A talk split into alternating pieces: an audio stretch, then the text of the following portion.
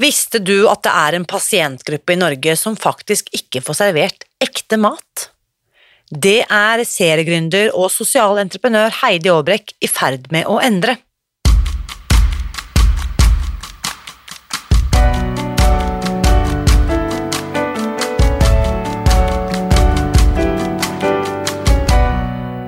Mitt navn er Irina Lie. Jeg er journalist og forlegger, gründer og sosial entreprenør. I 2015 spiste jeg meg fri fra overvekt og fedme etter å ha slitt med vekt, kropp og følelser i nesten 30 år.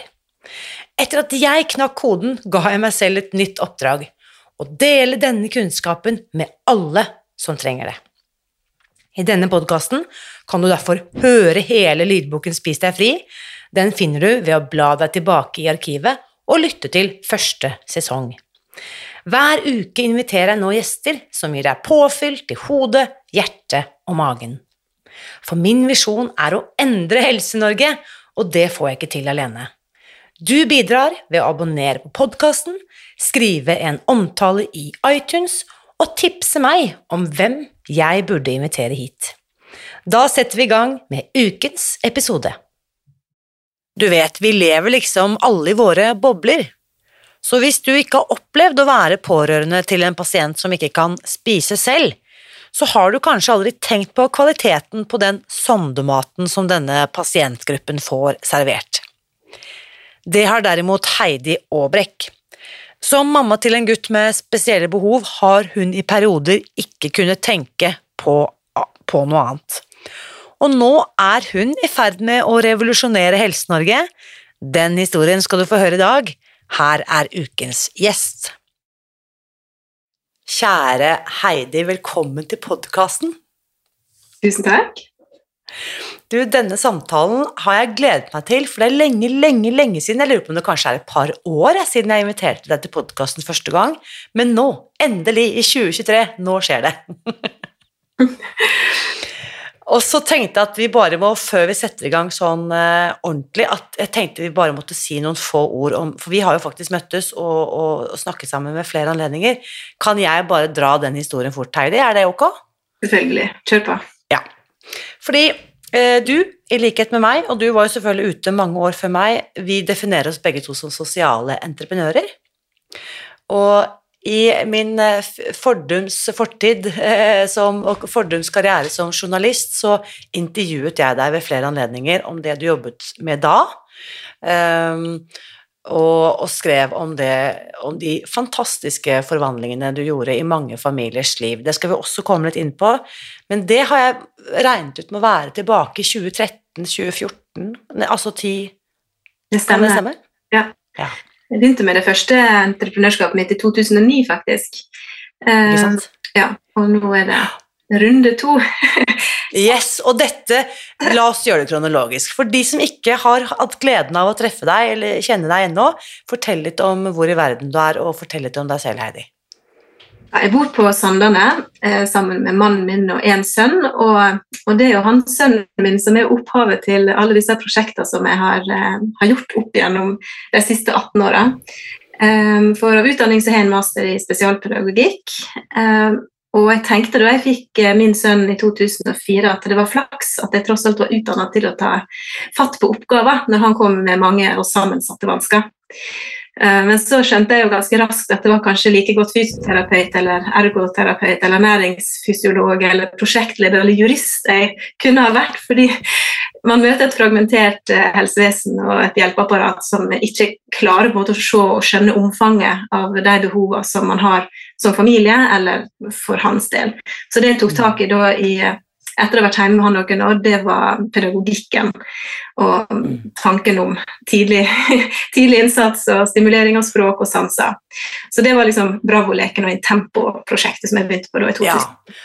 For det var det jeg intervjuet deg om den gangen. Eh, selskapet ditt Intempo og denne Bravo-leken, som kanskje noen har hørt om. Eh, fordi den fikk jo stor utbredelse. Og fortell litt, bare veldig kort, hva går denne Bravo-leken ut på? Det handler om, og det er mye brukt i barnehager i samlingsstunder. og det, handler, det, er for alle barn, selv om det var et spesialpedagogisk utgangspunkt. og Akkurat det siste året så har vi hatt veldig mange nye Bravo-lekere pga. at vi laga et Velkommen til oss-prosjekt eh, for de nyankomne fra Ukraina. Så eh, Nesten 1000 nye barnehager og skoler har tatt i bruk Bravo-leken i samlingsstunder. og Da er det rett og slett å ha en stasjonsbasert samlingsstund der man får oppleve begrep med alle sansene sine, i kombinasjon med motorisk aktivitet eller fysisk aktivitet. Og Det handler mye om, ser vi nå etter 13 år, at det å legge et felles fokus eh, om morgenen, det gjør at ungene blir mer oppmerksomme på omgivelsene mm. sine. og vi, På denne måten så utvider vi ordforrådet, begrepsforståelsen og den språklige bevisstheten, som gjør at både de norske og de barna med en annen språkbakgrunn får et felles språk raskere, slik at leken blir enklere, rutinene kommer raskere på plass. Eh, og så har vi da denne velkomstpakken som er én måned, men så kan du også bruke Bravo-leken i to barnehageår med det materiellet som vi har utvikla. Og bare for, Hvis folk har vanskelig for å se for seg hvordan dette ser ut i praksis Jeg husker f.eks. det var eh, ulike kort, og så er det bilde av en banan, og så står det med trykte bokstaver ordet banan, og så blir dette gjentatt på ulike måter, slik at barna får sett begrepene og ordene ja. presentert på ulike måter. Ja, og så får jeg smake på banan og kjenne på banan. Og når vi spiser, så snakker vi om banan, og så tar vi enkeltbokstavene b, a, n, a, n og legger det ut for ungene så de får se det. Og så leter jeg etter andre ting som begynner på b. Og så har vi på en måte en sånn eh, kontinuerlig og systematisk introduksjon av bokstavlyd eh, og av eh, mange ulike kategorier med begrep henta fra rammeplanen i barnehagene. Eh, og så er det da den motoriske aktiviteten som vi øver på. Eh, og det her blir på en måte et systematisk språkarbeid som de ansatte i barnehagene eh, syns skaper et felles fokus, og som gjør det enkelt for dem. I tid, ja, som, ja, det har vært mye sykdom og gjennomtrekk og vanskelig å holde kontinuiteten i et språkarbeid i en barnehage, men Bravoleken er med på å gjøre det enklere for deg, sier de sjøl. Det er fantastisk. Og, og, jeg husker jo en av de kommunene jeg intervjuet den gang da, det var jo Andøya kommune, hvis ikke jeg husker feil. Og der hadde de jo tatt inn Bravo-leken som et pedagogisk verktøy i hele kommunen. Mm. Og så husker jeg, eh, nå må jeg bare, Dette er jo snart ti år siden, så jeg må jo bare bla litt i minnebanken, men var det ikke sånn da at i den testkommunen så kunne samtlige samtlige førsteklassinger lese eller skrive, eller begge deler, ved skolestart? Ja, eller vi kan jo ta et litt større utvalg, og da ser vi at det som er normalt i en førsteklasse, det er at 7 kan lese når de begynner, eller stave da, når de begynner på skolen. Men i de kommunene som bruker Bravo-leken på småbarnsavdelinga, da er det 49% som leser staver i første klasse, og i andre klasse så er de oppe i 92 ja, det er helt utrolig. Ja, det er helt utrolig. Og, og, det viser denne effekten som tidlig innsats har, systematisk språkarbeid, hvor viktig det er, og hvor lite som skal til. Det er jo snakk om en halv samlingsstund om dagen. En samlingsstund er gjerne 20 minutter på morgenen, og så tar vi halve gruppa med Bravo-runden i 10 minutter, og så tar vi andre halve gruppa eh, med vanlig samling, og så bytter man. Så ja. ca. 10 minutter om dagen med systematisk språkarbeid, det, det er.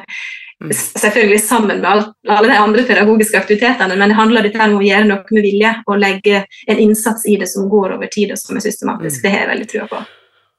Og så husker jeg også Du snakket om denne her supertidlige innsatsen fra barnet er null til tre år. og da jeg husker Første gang vi møttes, da var sikkert min yngste datter allerede rukket å bli sånn fire-fem år. da, Så tenkte jeg sånn Å nei, det er for sent. Men det er vel bare det at det, vi kan starte mye tidligere ja. eh, med på en måte målrettet læring. Altså læring er kanskje feil ord, men målrettet stimulering, da. Ja, Fordi barn det, eller, ønsker jo å lære og utvikle seg. Ja, og jeg, jeg støtter meg veldig til hjerneforskningsmiljøet på NTNU. ikke sant? og De sier at vi har undervurdert barnehjernen i mange mange år. Eh, men det viktigste vi kan gjøre, er jo å legge bort telefonene og være sammen med ungene. Og snakke om det vi ser, snakke om det vi smaker på, snakke om det vi hører. Det her å sette ord på alt det vi gjør i lag, det er det som skaper et godt språk og et godt samspill. Mm. Og Hvis man får det inn som en livsstil, det er det som er liksom tanken med å, starte mm. fra, tre-fire måneders alder, når du har kommet deg litt sånn halvveis ut av ammetåka og du liksom ja, begynner å, å, få litt dreisen på ting, så er det fint å, å, utforske og skru av og på lyset og snakke om det. og Det er fint å kjenne på vaskekluten når man er kald eller varm. og Det er fint å smake på ulike eh, smaker når du blir seks måneder og eldre. Og, og den der bevisstheten til å virkelig bruke språket, snakke sammen og ha oppmerksomheten, ha et felles fokus med den minste, det er liksom den viktigste innsatsen man kan gjøre ja, som foreldre. Helt uavhengig av om barnet har et spesielt behov eller ikke. Og det, ja, og det er, man ikke, ja. ikke og man trenger jo ikke Bravo-leken til det. Men poenget er at Bravoleken gjør det enklere å huske på det. Når korta står framme og bokstavene står der og terningen står der, så var det sånn Ja, stemmer. For det er fort gjort å bli fanga av kjøring til og fra med eldre søsken og middagslaging og handling og ting som du skal rekke med jobb, og det er lett å sjekke yes. telefonen og mailen og gjøre alle disse tingene når du egentlig de siste to-tre timene på ettermiddagen før barn legger seg, kan snakke sammen, lese sammen, være sammen, oppleve mm. verden sammen. og det er der jeg kjenner jeg har en sånn ekstrem lyst til å liksom minne folk om at den tida forsvinner så fort, og du kan gi barnet ditt virkelig den gavepakken som det er da, å få en tidlig innsats. Det er du som gjør det. Man kan ikke si at det er barnehagen alene, eller at PPT skal ta over, eller at det er BUP som skal inn. Det er faktisk mm. vi foreldre som, som har liksom hovedansvaret og den muligheten. Man, jeg har ikke lyst til å kalle det en jobb, men det er på en måte muligheten til å virkelig legge grunnlaget. Og, og, selv om BUP eller PPT eller hvem som helst skulle allerede være involvert, så kan man som forelder likevel ha eh, utrolig altså Bare en bit, sånn som du sier, da, ti minutter dagen kan gjøre en vesensforskjell. Mm. Så hvis jeg nå ikke er så heldig å bo i en kommune hvor denne leken er tilgjengelig eller utbredt, eller at man har kjennskap til den, så kan, kan man også som privatperson kjøpe disse verktøyene, ikke sant? Ja da, vi har På bravoleken.no så er det jo nettbutikk, og så har vi jo laga veldig fine videokurs. Pandemien gjorde jo at vi fikk alt digitalt, så nå ja. reiser vi jo ikke rundt lenger på samme måte. Men der har vi spilt inn videokurs som man kan få tilgang til. Eh, og ja, om man ikke vil ha liksom, den store barnehagepakken hjemme, så ligger det masse tips til foreldre og gratis nedlastbare ressurser som man kan skrive ut. og kan, Det handler jo om å finne altså, hva skal vi gjøre i lag da, hvis man ikke skal være på skjerm eller ikke skal være i bilen på vei et sted. Hvis vi skal sitte ved et bord eller være på gulvet og være i aktivitet, hva kan vi gjøre? og Der er det mange mm. forslag til hva man kan gjøre sammen. Du, det er altså, ja, altså Jeg elsker tips og triks og verktøy og tjenester og produkter som kan gjøre hverdagen for oss enklere og smartere og sunnere. Og sånn som du også sa rett før vi begynte, at Irina sa det til meg, vi har jo en felles visjon, og det er å endre Helse-Norge. Og så sier du også at du er nå på runde to på entreprenørskap, og dette her har jeg knapt hørt om selv, så nå skal vi dykke inn. Vi, vi, Bravoleken er liksom Den eksisterer, er en fantastisk suksess. Gå og sjekk den ut til, deg som måtte være interessert, på bravoleken.no. Men nå, Heidi, nå bare clear the table, eh, og scene, sceneteppet går til side, for nå skal vi introdusere et helt ellevilt konsept som virkelig er å endre Helse-Norge for de aller, aller minste. Fortell om, uh, fortell om, dette du er i gang med nå, Heidi. Ja, Som jeg sa innledningsvis, så er det jo min sønn og, og inntreden i verden som ei mor til et barn med store sammensatte vansker, som på en måte har generert utrolig mange problemstillinger opp gjennom eh, åra. Nå er han blitt 18 år, eh, og under pandemien så ble det mye roligere kursvirksomhet i den pedagogiske verden. da. Så jeg begynte å tenke og løfte blikket og, og liksom Hva er det jeg kan eh, finne på nå? Hvor er det skoen trykker aller mest. Og da kunne jeg jo ha begynt med dette her for lenge siden. fordi eh, greia er at han har alltid hatt eh, store ernæringsvansker. Så når han var liten, så kasta han opp inntil 30 ganger om dagen. Så mm. før han fylte året, så fikk han innoperert en, eh, en gastrostomi, altså en sonde i magen, eh, der man kan gi maten direkte i magen. Og dette her var en revolusjon på 80-tallet, 70-80-tallet. Tidligere så overlevde man jo gjerne ikke hvis man ikke kunne spise maten sjøl. Men medisinske framskritt gjorde det mulig å sette inn en knapp i magen. Eh, og administrere næringa direkte der. Men så erfarte man da på 80-tallet 70-80-tallet at det å mose ei brødskive eller mose norsk vanlig kosthold det var vanskelig og krevende. For havregrøten måtte være så veldig tynn, han ble så næringsfattig, og det ble klumper og det ble seigt. Så legemiddelindustrien kom med den store løsninga og har vært fasiten siden, eh, som er da sondeernæring som du får på blå resept på apoteket. Så folketrygda dekker gratis for barn og voksne som har tygge- og svelgevansker, sondeernæring som du da får direkte i magen. Og Det trenger ikke bare å være barn med nevrologiske skader, som jeg kommer fra, men det er ALS-syke kan få det på et tidspunkt. Kreftpasienter. Har du fått slag, kan du ha midlertidig behov for sondeernæring. Eldre på sykehjem får jo gjerne også innoperert sonde etter hvert fordi de har mista matlysta eller ikke klarer å ta til seg mat. Men utfordringa som jeg tar tak i nå, er at det er kun eh, tilbud om syntetisk sondenæring. Hvis barnet ikke tåler det, eller du som mor som meg da, ikke føler deg komfortabel med å, å, um, å gi barnet mitt eh, sondeernæring som, som, ikke ligner på mat i det hele tatt, eh, så må man lage det sjøl. La meg bare stoppe opp her litt. Du sier syntetisk sondeernæring. Mm. Da snakker vi om ultraprosesserte eh, matlignende substanser som egentlig ikke er mat? På det beste er det 15% ultraprosessert mat. Da kan det være kylling, erter, aprikos og olje. Men vanlig, en vanlig sondenæring er 85-100 maltodekstrin, vann, myse og eh, proteinpulver eh, og, eh, og, og oljer som er hardt bearbeida. Og bare for å understreke det, maltodekstrin er jo også bare en annen form for sukker. Mm. Ganske lavkvalitets mm. energikilde. Mm. Og det som er interessant, er at sant, sånn som det står i kostholdsrådene fra 2011, som nå snart skal oppdateres, så, så står det jo at eh, fra 70-tallet har vi lært mye. Eh, mat er mer enn kalorier inn og ut, det er mer enn eh, å unngå mangelsykdommer. Eh, nå er det viktig med, rå, med råvarer og spise grønt og fem om dagen. 2011-rådet handler jo om mat, ikke sant? men sondeernæringa har aldri blitt med bort fra 70-80-tallet. Så den har vært lik i 30-40-50 år nå. da.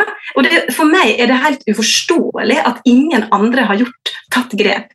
Så det som skjedde da i 2005, da Simen, eh, sønnen min, fikk knapp, så eh, kasta han jo opp inntil 30 ganger om dagen. Og, og denne sondenæringa, mysen, osta seg i magen, og vi pirka cottage cheese ut av neseborene hans, og han fikk pusteproblemer. og vi, jeg, jeg gikk med tørkerull under armen og pustbekken uansett hvor vi for, og vi var innlagt på i Førde, i Ålesund, på St. Olavs, Rikshospitalet og Haukeland.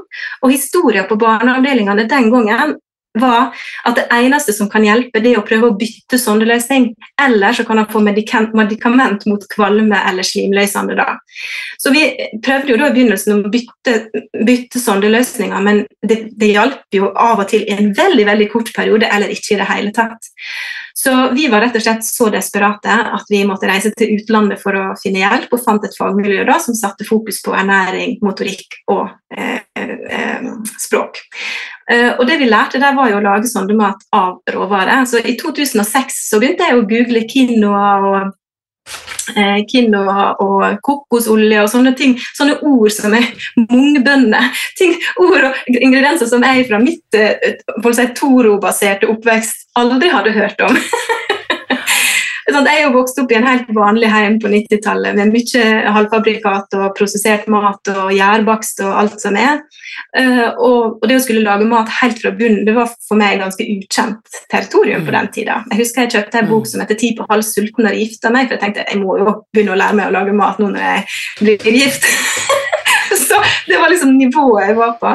Men, men der lærte vi altså verdien av av råvarebasert kosthold, og begynte jo da med det. Og i løpet av en ganske kort periode med varierte fiskesuppe, kjøttsuppe, grønnsakssuppe, smoothier, så ble jo symptomer da kraftig redusert, og vi så oss jo aldri tilbake.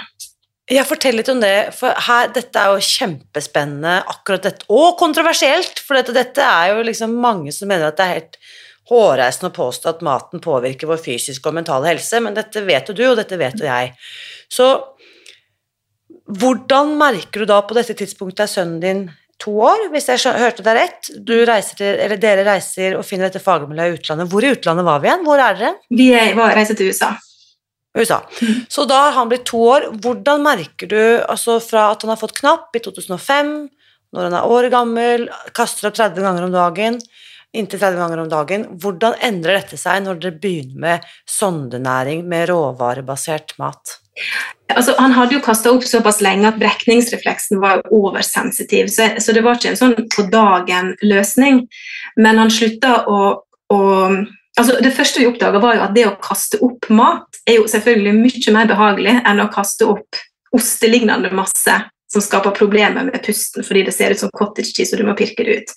Så for oss var jo det å kaste opp grønnsakssuppe en opptur. Det var det ene. Uh, og så gikk vi jo over til at vi begynte med et stort voldsomt registreringsopplegg der vi hadde klassifisert de ulike symptomer på en, en munnfull med slim til full disaster på 0 til 5.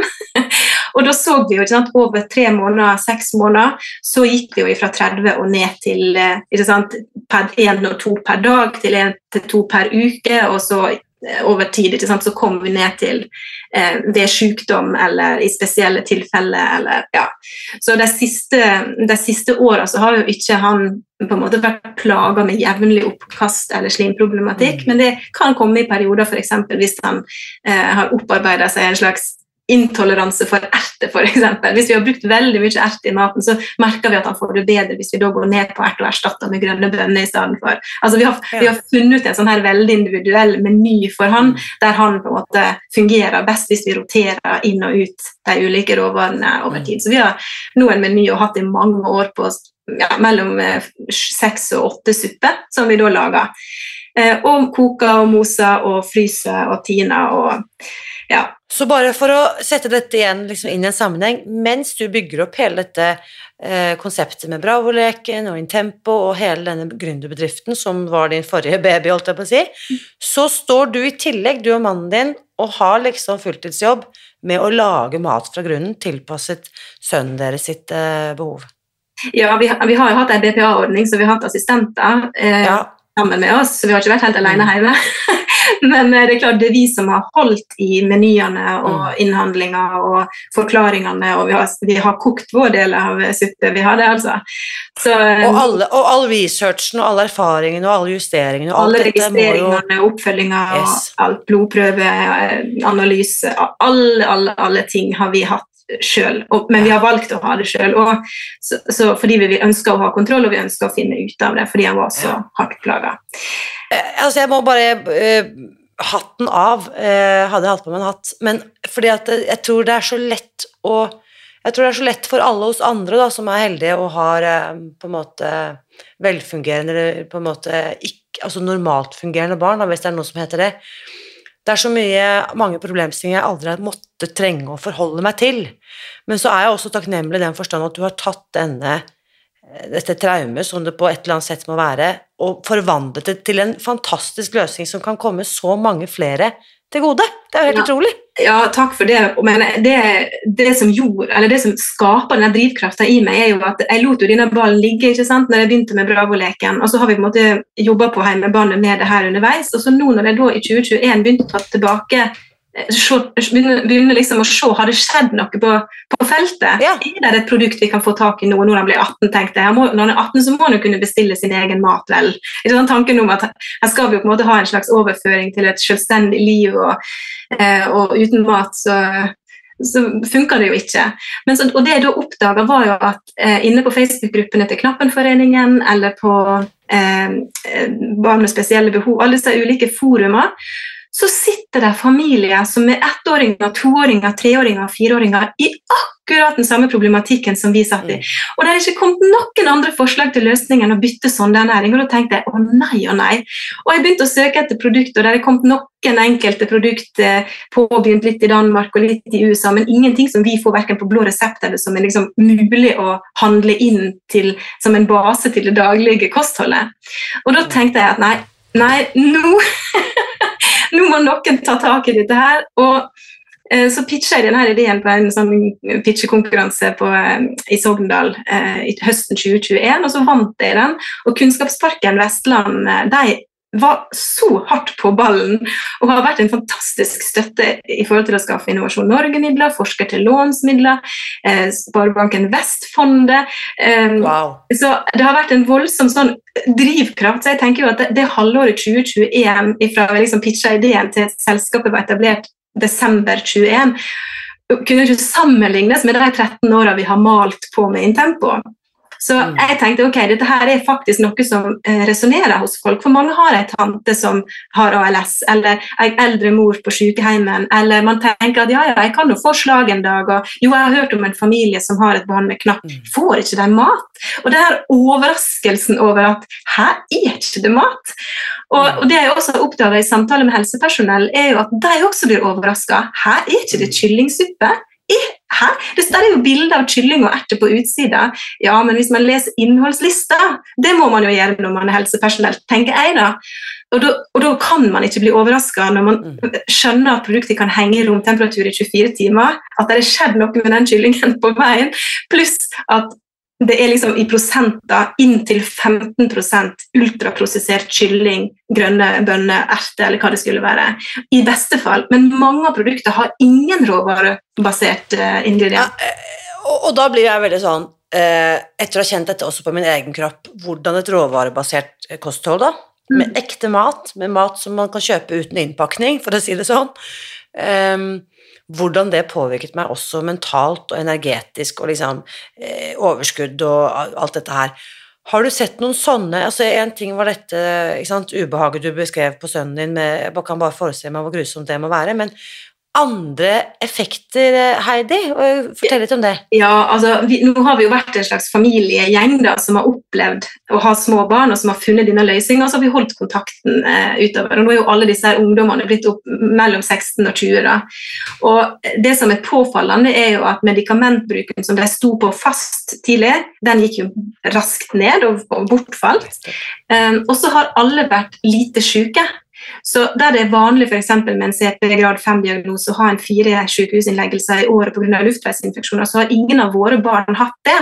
Og det at disse barna her holder seg friske, gjør at de kan delta på skolen hver dag uten å være inn og ut av sykehus og ha masse komplikasjoner. ikke sant? Og sånn som For vår del da, så har jo han så eh, masse overskudd eh, at han eh, er jo på skolen, og så driver han og lager musikk og har eget musikkstudio og på en måte har liksom en driv i å produsere og skrive tekster og lage melodier som viser bare en sånn kognitivt overskudd og en kreativitet i en hverdag der du egentlig har mange nok ting å håndtere til å bare skulle slappe av mesteparten av, av dagen. Så, og, og for min egen del, i 2009, etter tre år av å lage disse suppene til han, og han hadde lyst til å begynne å smake litt, så så jeg på middagsbordet vårt at her er jo ingenting eh, jeg, jeg, eller han kan smake på, for jeg spiser jo fortsatt lasagne og taco og alt dette her ultraprosesserte sjøl, og vi har ikke bearbeidet, så da la vi om, vi voksne òg. Og det er klart, jeg tror ikke med handa på hjertet at jeg hadde klart å sjonglere alle disse her hvis, nei, ballene her hvis jeg ikke hadde lagt om kostholdet sjøl, altså da tilbake i 2009. For mitt overskudd og mitt engasjement også henger jo helt sammen med hva fôr jeg, jeg lager til meg sjøl. Så for min egen del både humør, overskudd, framtidstru, pågangsmot eh, Det er så tett knytta til den maten jeg spiser. Men det, det er så interessant. Ja, jeg, jeg jeg har akkurat kommet tilbake, før jeg har vært på reise eh, på en kjempespennende konferanse i eh, utlandet, og der snakket de også mye om denne pinealkjertelen, som er det som sitter midt inne i hodet inni der, som noen eh, mener at det er også knyttet eh, til vår intuisjon. Mm. Og det man vet, er at sukker bedøver denne kjertelen. Så, og sant, Sukker i den kategorien så er jo også selvfølgelig mye av mange av disse ultraprosesserte substansene, for å kalle det det. Jeg vil ikke kalle det mat engang. Men da kan vi tenke oss, hvis vi spiser sunnere, så blir vi faktisk smartere, og vi får kanskje også mer kreativitet, sterkere intuisjon og andre fantastiske gevinster. Og når du nevner det, så snakka jeg jo med en eh, slagpasient som mente at den sondematen som han fikk, var helt fin. Han kasta ikke opp, han ble ikke kvalm og han følte at han var i god rehabilitering etter slaget. Men etter eh, en stund så fikk han tilbake tygge eh, skillsa sine og begynte å spise vanlig mat. Og da kunne han fortelle at da letta hjernetåka. Nettopp. Sånn? Så når han da kom, han ikke, Det kommer litt sånn sigende innover deg at du blir bedøvd og sløva. Og så når du da kommer ut av det fordi du begynner å spise skikkelig mat igjen, så kunne han gå tilbake på jobb og fungere kognitivt. Og da tenker jeg, okay, her, Disse ungene som ikke kan snakke, disse her eldre som ikke på en måte har kreftene, ALS-pasienter som strever mot klokka Vi kan ikke fortsette å ha dette her som det eneste tilbudet. Du, som jeg føler at nå må grensa da, her er vi bare, må bare i all eh, journalistisk integritet si at her er agendaen soleklar. Nå skal vi påvirke de som er beslutningstagere, for sånn kan vi ikke ha det. Ja. Nå må denne galskapen stoppe. Ja. Og her kommer da produkt eh, nummer to inn. Hva heter dette alternativet som dere har utviklet, eh, Heidi? Altså, vi har kaller det for Hickwid Food Blended Soups. Eh, all- Hickwid High Quality Liquid Food. Eh, Ah. så Hickwid ble liksom navnet, og sammen med kliniske ernæringsfysiologer så har vi da støtte med min kjøkkenbenkerfaring, ernæringsteamet sine forskere på Universitetet i Bergen og et lite team med kliniske ernæringsfysiologer, altså, og, og hatt en dragkamp for å finne de fire måltider som man kan spise per dag, som inneholder riktig eh, protein, fett og karbohydratmengde og mikronæringsstoff, vitaminer og mineraler. Vitaminer og mineraler. Mm. Kunne du da datt, tatt oss gjennom en, en standard dagsmeny? Hva består de fire måltidene av da? jeg kan jo vise deg disse posene som vi har da. Ja, nå, jeg ser det jo, men de som hører det, vil jo bare De får jo bare hørt det. Vi har laga fire supper. Ei vegetarsuppe, fiskesuppe, ei med kalkun og ei som har rein som eh, proteinkilde. Og, eh, hvis vi tar ingrediensene i kalkunsuppa, så er det søtpotet, kikerte, grønnkål, kalkun og oregano. Det er ett måltid. Og så har vi ett måltid med eh, reinsdyrkjøtt, kålrot, rødbeter, kidneybønner, tyttebær og rosmarin. Så ikke noe, ikke noe dekstrose og maltodekstrose og stivelse og maisstivelse og fargestoffer eller noe da, altså? Fordelen med å, å gjøre dette her, er jo at jeg kan bestemme de ingrediensene som jeg vet Simen, sønnen min, vil ha. Kan ha og tåle. Så det her har vært en kamp, og det er økologisk alt sammen også. Og det fant jeg heldigvis i regelverket, at hvis det skal være til barn, så kan det, må det være fravær av pesticid. Medisinske næringsmidler skal ha fravær av pesticid. Så det å Ja, for du Apropos, jeg må bare skyte inn det, for dette definerer du som et medisinsk Ja, og det er viktig. da. Det er jo kjempeviktig. Dette er kun for de som har sonde, eh, og det skal eh, gis under medisinsk tilsyn. Eh, det er klassifisert som næringsmiddel for spesielle medisinske formål hos eh, Mattilsynet. Og her er et, et enormt regelverk som, som dette her skal passe inn i, og det er veldig, veldig strengt regulert. Men regelverket gjør det mulig å lage et råvarebasert alternativ innenfor det regelverket, akkurat sånn som det står. La meg bare se på posen, jeg må bare se hvordan du skriver dette navnet. Ja, Eh, eh, ja, der, ja. H-i-q-u-i-d. Nettopp. High, altså sånn, ikke sant? Og så liquid, quid. Ja. Hiquid food. Hiquid food. Jeg måtte sende det ut i et nyhetsbrev at vi skriver det H-I-K Nei, uttaler det H-I-K-K-V-I-D. Hiquid. Eh, akkurat- fordi det, det, dette er selvfølgelig et internasjonalt marked, det er derfor dere har valgt Ja. et internasjonalt navn. Det, Ja. det skjønner jeg jo. Det er det. Altså, her er ingen andre som vi kan finne i Europa som har laga en produktserie som er egna som eneste næringskilde. Her fins noen produkter som du kan ha som supplement til din hjemmelaga sondemat, men det målet vårt var å lage altså en dagsmeny som består av fire poser. Eh, vegetar jeg kan jo nevne det, da. Erter, hvite bønner, eple, sellerirot, solbær og kanel, og den smaker litt sånn eh, gløgg. Og så er det brokkoli, ørret, gulrot, torsk, tinnved og persille i den siste. Og det som jeg synes er veldig artig, det er at når du setter alt dette her inn i kostholdsplanleggen, i de gramfordelingene som vi har gjort, så ligger vi innafor den øverste delen på, eh, på protein og fett. Eh, altså, Fett er jo ikke tilsatt i posene. Når man eh, tar posen og rører ut med kokende vann, så, så lar vi det stå i, til det er ferdig, altså fem minutter. Og så avkjøler vi det og tilsetter olivenolje eller en annen egnet fettkilde. Ja. For da får du det, i hvert fall litt Ikke noe herdede palmeoljer og rapsoljer og drit og møkk. Så jeg har kjempa for at vi skal tilsette den oljen som er egnet for oss sjøl. Det kan jo være klarna smør noen vil ha. Vil noen ha MCT, så tar de det. Er det andre typer fettkilder som vil være mer egnet for ditt behov og din fettsyre, ditt fettsyrebehov, så kan du tilpasse det eh, skredder, i skreddersøm sammen med ernæringsfysiologen din. Fantastisk. Og så, uh, så når du da har tilsatt det, så rører du det ut. Eh, og så må du da selvfølgelig avkjøle det, fordi eh, det skal gå rett inn i magen gjennom en sprøyte. Nå viser jeg en sprøyte og en sånn sonde. Eh, og da må temperaturen ikke være mer enn 40, 42 grader. For at det skal på en måte være behagelig for, Selvfølgelig. for den som For får det. Da. mottaker. Mm. Ja. Så eh, det betyr at denne eh, dagsmenyen, da, for å kalle det det, er tilpasset toåringen og 80-åringen. Ja, eller her, det, det, sant? det var et veldig godt poeng. En, en, et barn sånn rundt tre år vil jo da kunne ha halve poser, Fordi, Nettopp, så det er bare mengden vi da justerer på, for vedkommende, det lille barnet kan jo spise alle de samme tingene.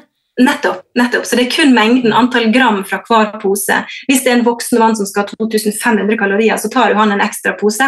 Eventuelt en ekstra skje med olje i hver pose.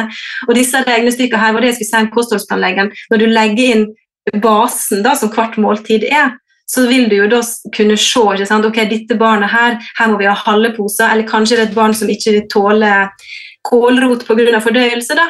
da kanskje vi bruker reinposen, men da lager vi til en liten grøtoppskrift som vi kan ha, ikke sant? for da får vi ned proteinbehovet, og så vil dette bli en perfekt meny Ja. de neste seks månedene. ikke sant? Ja. Og, og også tenker jeg sånn, hvis man har, en, eh, en sønn som er i tenårene og som er i vekstfasen, og som plutselig begynner å gå ned i vekt, og så Mm. må man selvfølgelig øke og alt dette her. Så dette er jo superfleksibelt. Det er superfleksibelt. Um, og, og tenk den jobben vi sparer. da, Vi som har laga sju supper hver uke. Flere liter av hver suppe. Eh, og nå har vi fire ferdige supper i testperioden, så vi har jo mer enn halvert arbeidsinnsatsen som kreves. Utrolig. Så det er Så, ja. hvis jeg som hører dette her nå, jo enten er eh, pårørende eller foresatt eller foreldre selv til et barn med spesielle behov, eller andre eh, familiemedlemmer som trenger sondenæring, og tenker at eh, dette her, dette må jeg få tak i. Hvorfor jeg kjøpte det? Finnes ikke på Rema. Eh, Du sa at det var et medisinsk eh, produkt. Eh, må jeg snakke med fastlegen. Hvordan skal jeg få tak i denne hickwiden? Ja, det gleder vi oss til å kunne annonsere etter hvert, men eh, Ring til Sandane! Nei da. Nei, akkurat nå så har vi en, en testbatch. Vi har vel 500-600 måltid igjen. Nå er vi jo i februar-mars eh, i 2023. Og vi har en 500-600 måltid igjen i den testbatchen. Så hvis det er flere som, eh, som har lyst til å være med i testgruppa, så er det mulig. Men målet er å produsere når grønnsakene blir modne til høsten. Og så at vi har for salg fra november-desember 2023. Og da vil Er dette norskprodusert mat? Ja, Wow. Tenk på, tenk på det, du. Så vi er veldig opptatt av bærekraft, og vi, nå skal vi justere posene så vi skal få resirkulerbare poser, og vi skal ha termosbeholdere, slik at vi kan på en måte redusere avfall. Så vi tenker, at, tenker norske råvarer så langt det går. Søtpotet må vi nødvendigvis eh, importere osv. Men her, vi prøver å holde produksjonen i Norge og bruke norske råvarer så langt det går, og tenke bærekraft. eh, Og, og Fordelen med dette er at det er så lett. Når det blir frysetørka, så blir det bare et helt lett pulver. Så frakt og lagring, oppbevarings- eller holdbarheten, er jo eh, to år pluss. Fantastisk. Altså, dette her er bare så Det er så vinn-vinn-vinn på så mange nivå, Heidi. Og eh, jeg vet også at du nevnte jo rett før vi startet opptaket her, at det som er den store bøygen nå, det er å komme inn gjennom dette nåløyet. Dette er alt det vi vanlige folk ikke vet noen ting om. Dette nåløyet for å bli godkjent som et medisinsk produkt på blå resept. Mm. Hvem er det vi som heier på deg, eh, hvem er det vi kan ringe til, hvilken politiker må vi snakke med, hvilken knapp må vi trykke på liksom, for å få til det? Altså det er Helfo som eh, har en komité som behandler søknader om å komme på Helfos pris- og produktliste. Og De har vi vært i dialog med flere ganger, og vi har nå sendt inn dokumentasjon på tilleggsverdien. For I utgangspunktet så skal Helfo da eh, bidra til å unngå unødvendige utgifter for folketrygda. det er liksom deres Det er mandat. Eh, og når det er et produkt som er billigere, så vil man velge det. Så det vi har gjort nå, det er å dokumentere at eh, det eksisterende ernæringsproduktet og vårt produkt det har ikke tilnærmet lik nytte. Du Eh, kan ikke sammenligne på en måte kjetting med blomster. Nei, det, det er en måte å si det på, men det skulle vi kanskje ha skrevet. Men, men ja, nå har vi, nå har vi altså Det er noe som vi har lært kalles for ESAS score, symptomregistrering. Og vi har gjennomført symptomregistrering på de første i testgruppa vår nå. Dette er jo sånn løpende som vi henter inn etter hvert som de får prøvd ut maten, og det tar jo litt tid. Men eh, i en sånn ESAS score så er jo en symptomreduksjon på to poeng signifikant. Og for de barna og ungdommene og voksne som er med i gruppa vår nå, så har, eh, har det vært en reduksjon på 6,7 eh, på oppkast. Wow. Så når de går Wow. fra syntetisk sondeernæring og over på hjemmelaga eller råvarebasert sondemat, så går deres sine symptom oppkast også ned med mer enn signifikans. Altså det er jo fra to poeng ville vært nok, men de går ned seks-sju poeng.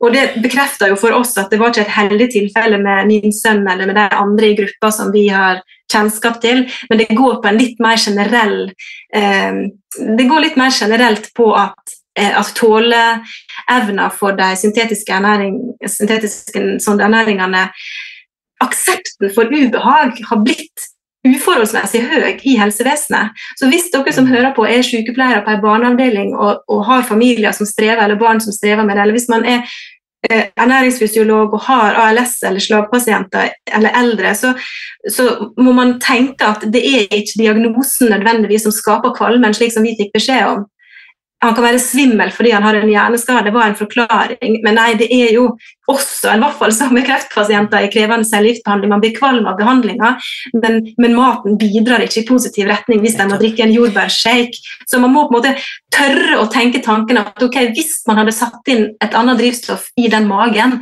ville det kunne påvirke andre deler av kroppen og gjøre den habiliteringssituasjonen enklere. Behandling behandlinga mer tålbar. Ja, Det er så mange sånne tanker man er nødt til å tenke. Men hvem, men hvem man skal snakke med jeg tenker jo at Det jeg har suttet og gjort de siste dagene, er jo å argumentere for Helsedirektoratet at man skal spise mat.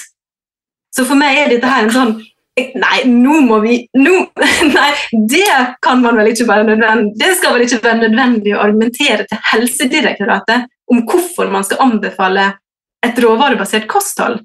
Så jeg har snudd litt på det i dokumentasjonen og spurt et spørsmål imot heller, da, og tenkt hvor lenge skal folketrygda finansiere et produkt som skaper umiddelbar uhelse, som har ja. eh, høy risiko for langtidsskader, eh, som tarmkreft og diabetes og fedme. Hvor lenge skal de finansiere eh, liksom et produkt som ikke er kunnskapsbasert? Mm. Altså bare, jeg bare digger så vanvittig den enorme innsatsen du, og selvfølgelig du er ikke alene, og teamet ditt og medarbeiderne og, og samarbeidspartnerne dine legger ned også å dokumentere forskningen. For det, tror, altså det, det dokumenterer resultatene, fordi det vil jo komme alle oss som jobber for et mer råvarebasert kosthold, det vil jo komme alle oss til gode, det vanvittige arbeidet dere legger ned. Og jeg har skrevet det som en egen verdi, faktisk. For tenk hvor sjelden man har muligheten til å gi mennesket kun råvare. Mm. Ikke sant? Fordi at andre, Alle andre har jo fri vilje og kan ta seg en bolle eller en liten god i ny og ne. Mens disse barna her, ungdommene her, de spiser jo kun det man gir dem. Og hvis de er da på et uh, liquid food-regime, så ville vi kunne ta prøve av tarmflora, vi kunne sjekke ikke sant? Uh, altså Man kunne gjort så mange tester over tid og funnet ut viktige helsegevinster som man kunne overført til andre områder i helsevesenet. Det er jo en genial mulighet til å undersøke Fantastisk. den virkelige effekten av et råvarebasert kosthold. Ja, og ikke minst fravær av ultraprosesserte råvarer. Så jeg håper at jeg ser den store verdien, og ikke bare akkurat kronen og ørene. Men, men, det må jeg jo si, vi gjorde dette regnestykket, og Helfo mente at våre produkter ville flerdoble kostnadene. Men når vi regner på dagsbehovet sammenlignet med de eksisterende løsningene, så vil det kanskje være 116% dyrere for en voksen, men bare 12% dyrere for et barn. Så prisen er jo nesten lik for barn. Og hvis det er noen som virkelig trenger et sånt produkt, så tenker jeg det er jo barn som er i vekst og utvikling. og som på en måte har alle forutsetninger for å, å, å, um, å komme seg ifra de ernæringsvanskene de har. Og mange som har ernæringsvansker, har jo også tilleggsvansker, sånn som min sønn. Han har jo fått brukt overskuddet sitt til å trene, til å lære, til å mm. utforske, til å delta. Og sant, Du og jeg som har vært inne på SOS-ENT-feltet i mange mange år etter hvert, vi vet jo at vi kan ikke måle verdien av noe i kroner og øre på hva det produktet eventuelt koster, eller hva den tjenesten koster. Vi må jo se på samfunnseffekten. Og hvis det betyr at en eh, skoleelev får fullført det skoleløpet, eller en som på en måte er utmattet med etter kreftbehandling, kommer tilbake i arbeidslivet, så er jo gevinsten så mange hundre ganger større mm. enn den eventuelle merkostnaden i å spise ekte mat fremfor det Ja, jeg vil ikke si det engang, alt det andre du ramset opp i stad. Så jeg vil bare si ja. mm, skal jeg bare si det? Nei, for jeg bare tenkte Det som også er morsomt med den samfunnseffekten, er jo at hvis vi bruker norske råvarer, så vil jo helsevesenet finansiere norsk landbruk og få opp norsk matproduksjon, økologisk matproduksjon. Og det, det, For samfunnet sin del så vil det jo være liksom vinn-vinn der òg, i stedet for at disse 80 millionene som brukes i året, går ut til uh, internasjonale legemiddelfirma.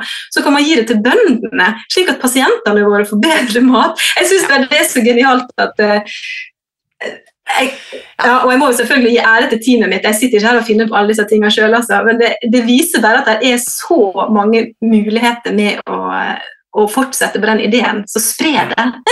og skape etterspørsel er jo Jeg skal bare understreke det du akkurat sier nå. Hvis du som hører på dette, heier på bøndene, eller heier på de svakeste pasientene blant oss, eller heier på barna, eller heier på sosiale entreprenører som Heidi, eller ønsker bare at helsevesenet skal ta litt klokere, gjøre litt klokere investeringer, da, for å kalle det det, så del denne episoden, send den til noen som trenger å høre dette.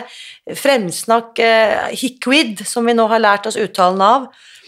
Og så vet vi at det du gjør, Heidi, det har vi sett nå gjennom et helt tiår og mer, at det du finner på, kan gjøre enorme forskjeller. Så bare tusen takk for det vanvittig viktige arbeidet du gjør. Virkelig. Mm.